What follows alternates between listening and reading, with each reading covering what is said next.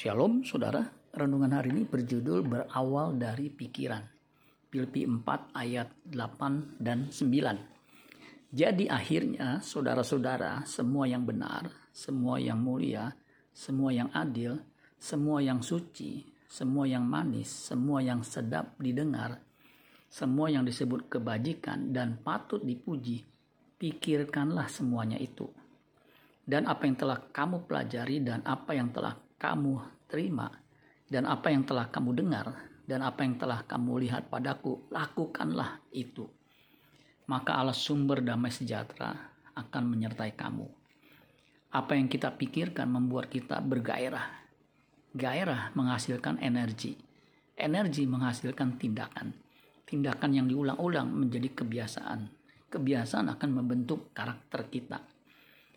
Rasul Paulus di akhir suratnya kepada jemaat Filipi menyimpulkan dua hal, yaitu pikirkan dan lakukan. Memikirkan dan melakukan semua, semua yang benar, semua yang mulia, semua yang adil, semua yang suci, semua yang manis, semua yang sedap didengar, semua yang disebut kebajikan dan patut dipuji. Karakter agung seperti Kristus dimulai dari pikiran. Filipi 2 ayat 5. Hendaklah kamu dalam hidupmu bersama menaruh pikiran dan perasaan yang terdapat juga dalam Kristus Yesus. Mari di awal tahun ini 2023 kita mau bertekad memasukkan ke dalam pikiran kita firman Tuhan. Yohanes 17 ayat 17 kuduskan mereka dalam kebenaran. Firmanmu adalah kebenaran.